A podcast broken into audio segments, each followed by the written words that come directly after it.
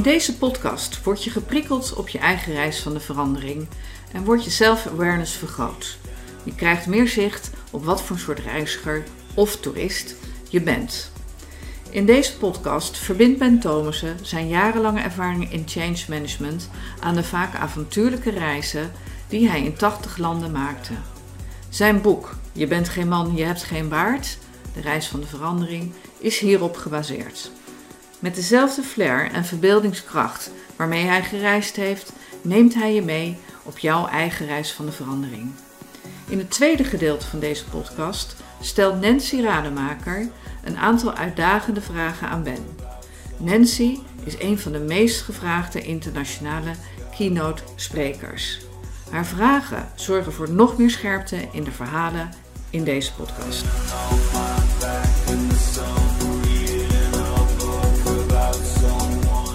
Podcast 1. Hoe reizen in mijn leven kwam. Ik weet nog precies waar het eigenlijk begonnen is en wat ik voelde. Het was bij de ontmoeting met de zigeuners. Ik ben negen jaar oud. Mijn vader heeft zelf een vouwwagen gemaakt met een van de leraren van de school waar hij directeur is. Hij was overigens goed in het maken van dingen die wij ontzettend leuk vonden. Hij heeft onder andere een keer een flipperkast gemaakt van hout. Hij heeft een sjoelbak gemaakt, die ik nog heb. En, niet te vergeten, de kano voor mij en mijn broertje. Die kano, dat was een houten kano, prachtige kano, die is jaren, tientallen jaren meegegaan. En die heette de Odysseus. Odysseus stond garant voor zwerven en zijn doorzettingsvermogen. En met die zigeuners is het begonnen. Ik was negen jaar. We waren op weg naar Zwitserland. En onderweg zei mijn vader in één keer bij de Noerboergring: Hier gaan we stoppen, jongens. Het is genoeg geweest voor vandaag. En we waren er nog geen half uur of er streek al een groep zigeuners neer, vlak bij ons op het terrein, tegen het bosrand aan. Ja, het, het, het, het, het was, had wel aantrekkingskracht, maar ik was ook wel een beetje bang. Het fascineerde me. Maar ze overweldigde mij ook een beetje en ik deinsde een beetje terug. Ik wilde er wel in opgaan. Want prachtig, ze maakten muziek. Ze hadden prachtige koppen en mooie meisjes en alles was erbij aanwezig. Maar ook het harde leven stond op die gegroefde gelaten. Non de ju dacht ik, zo moet het leven geleefd worden. Ik er weer tranen van in mijn ogen.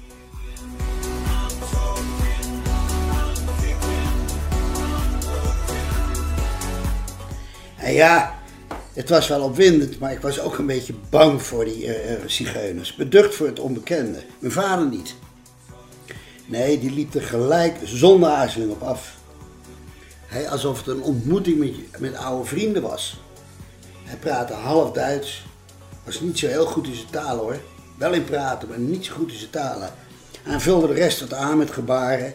En er stond een, ontstond een levendige uitwisseling. Waarover, weet ik veel. Ik zag nieuwsgierige blikken, verlegen lachende mensen, uitnodigende gebaren, onhandige aanrakingen. Wij werden wel opgenomen in het gezelschap. Of werden zij opgenomen in ons gezelschap? Ik weet het niet. Een paar zigeuners liepen het bos in en kwamen even later terug met hooi. Waar is dat vandaan? Nou, dat weet ik ook niet. Maar het was wel lekker voor hun paarden. En als het, toen de duisternis viel, er werd een gigantisch vuur gestookt. Zij begonnen muziek te maken op gitaren, violen en trommeltjes. En het was prachtig, alsof het een film was. En daar is de zielsverwantschap met de oude romantiek van de oude volken eigenlijk ontstaan bij mij. De overgave aan het onbekende en het vertrouwd raken met mijn angsten.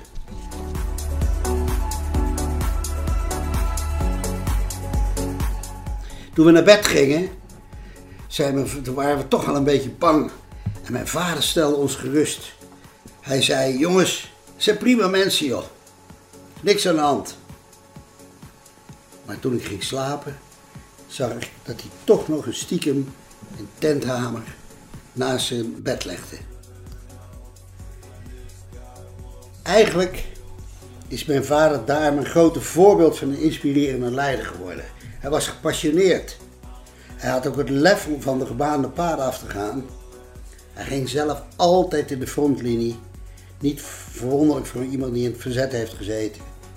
Hij was altijd in contact met zijn omgeving en bereid tot echte ontmoetingen.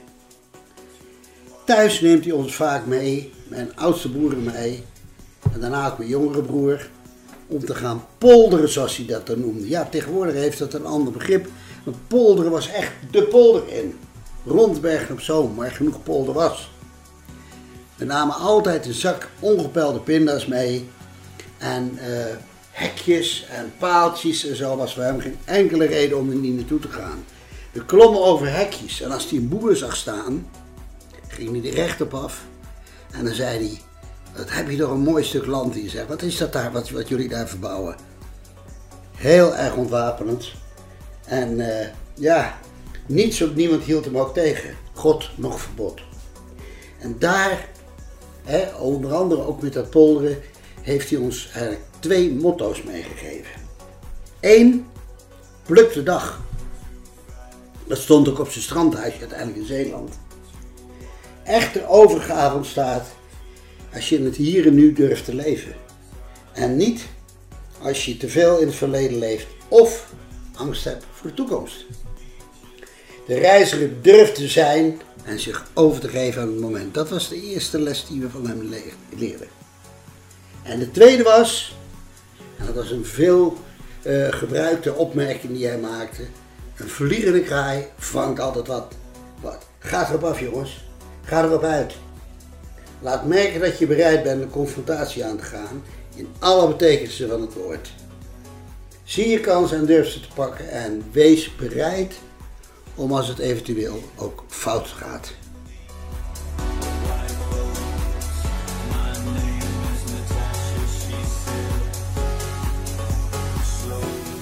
Uiteindelijk streken we neer, niet ver van Interlaken, in Beuningen op een camping aan de Brienzerzee. Van daaruit maakten we allerlei mooie tochten. Jarenlang is de drie passentocht bij ons eh, in de familie in allerlei verhalen gepasseerd. De Suste, de Voerka en de Grimselpas, de Arensloegt. Alles gingen we bekijken. En op een dag maakten we een mooie roeitocht over de Brienzerzee. Het was prachtig weer.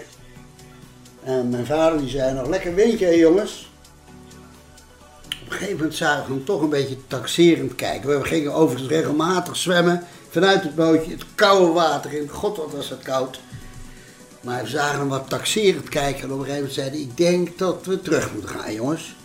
Hij heeft geroeid als een gek. En toen we aan de kant kwamen, hadden we pas door hoe ernstig de situatie waar we in te verzeild geraakt waren. Mijn moeder en omstanders stonden enorm te schreeuwen. Er was namelijk ontzettend slecht weer. Niet op komst, maar dat was al gaande. Er zijn ook twee mensen verdronken die middag op het Briense Zee. En mijn moeder, die riep toch tegen mijn vader: Harry, doe toch niet zo onverantwoord? Het gek is, en zo werkt perceptie, voor ons, voor mij als kind, was hij juist degene die ons gered had uit een moeilijke situatie. Dus een held.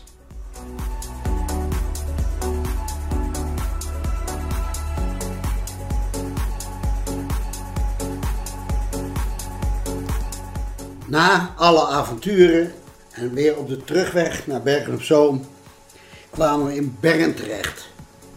Bern met prachtige stad, met onder, onder andere een berenkelder. Dat maakte zoveel indruk op mij dat ik een jaar lang me niet Ben, maar Bern, afgeleid van Bernard, Bernardus Henricus Maria, zoals ik volledig heet, Bern heb genoemd. En nog moeten mijn oud-klasgenoten daar wel een beetje om lachen, dat ik een jaar lang Bern Thomassen op mijn schrift heb geschreven. Maar dat had alles te maken met die prachtige reis die we toen hebben gemaakt. En wat het reizen betreft, de geest was wel uit de fles en is er nooit meer in teruggekomen. De jaren daarna. Wij wonen in een echte directeurswoning uit 1907 naast de technische school in Bergen Zoom waar mijn vader directeur is. Hij is de zoon van een fabrieksarbeider. en komt uit een warm katholiek nest uit Dordrecht. Hard werken en studeren. En ook zijn ervaring als verzetstrijder maken dat hij verder komt in het leven. Hij is eh, overal voorzitter van, ook van landelijke onderwijscommissies, van de KVP, van de jury van de optocht in het carnaval, nou, lid van officiersmes, etc. En hoort in Bergen op Zoom, zo'n kleine provincieplaats, natuurlijk wel een beetje bij de notalen. Maar nooit heeft hij zijn afkomst als arbeidersjongen verlogend. Integendeel, dat vond hij ook zijn kracht.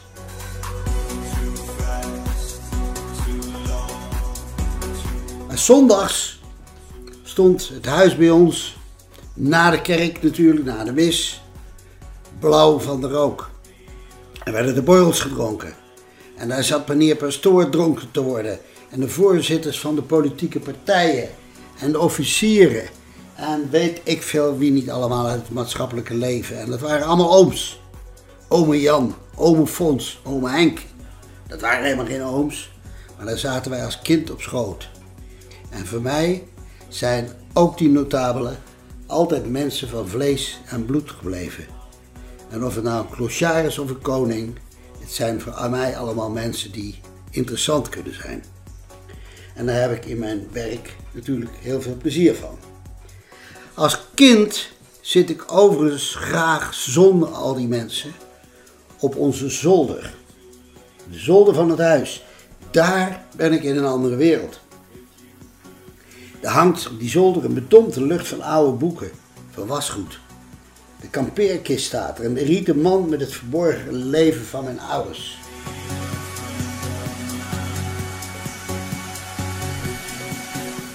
Op schooldagen hoor ik beneden me het droge klinkende geluid van bankhamers op aanbeelden van de smederij die aan de school is verbonden.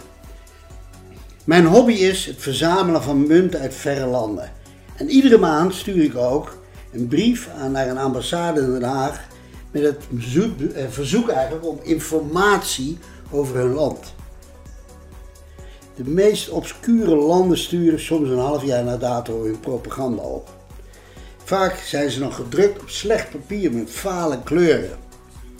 Maar ook met beelden van exotische orde, landen uit sprookjes uit Duizend en een Nacht. Ik herinner me nog dat ik na drie kwart jaar een heel vaal informatiepakket kreeg uit Albanië. Een land wat, wat een soort mystieke klank bij me had. En waar ik vorig jaar overigens pas voor het eerst echt geweest ben.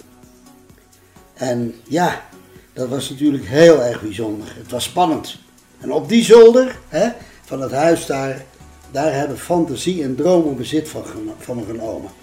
En is het verlangen naar verre landen en die eindeloze zee aangewakkerd. En daar smede ik mijn plannen voor latere reizen en expedities. Dankjewel.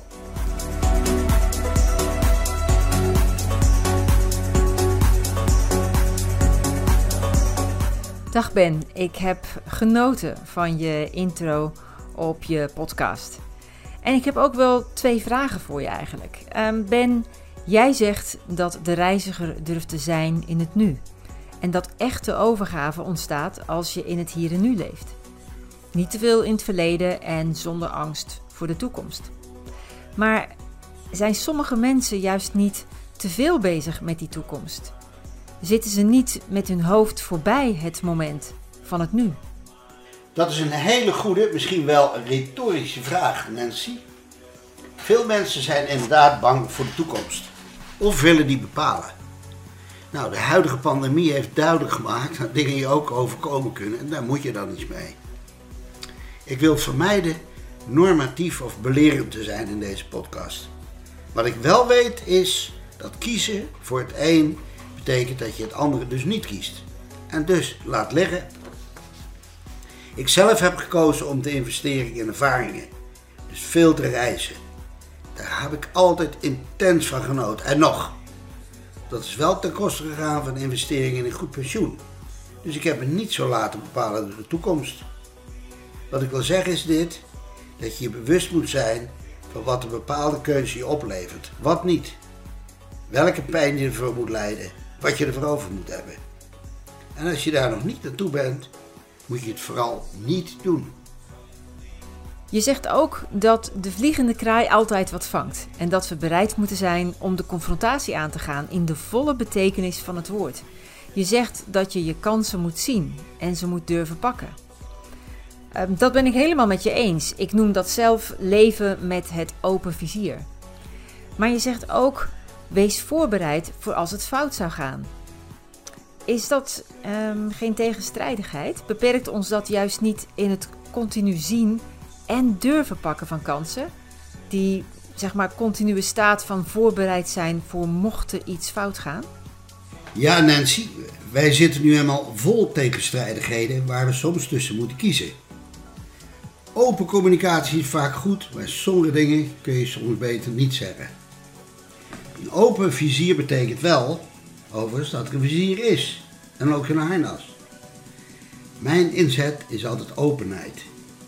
Maar ik ben ook voorbereid op als die ander het niet wil. Gevaar en risico zijn voor mij absoluut geen reden om iets niet te doen. Ik ben wel voorbereid en stel me mentaal in op tegenslagen en gevaar. Anders word ik roekeloos. Soms gebruik ik mijn waarneming, soms mijn intuïtie. Durf je kansen te zien en te pakken en durf ook fouten te maken. En als je de kans niet hebt gepakt, zeg dan vooral niet dat je de kans niet hebt gekregen.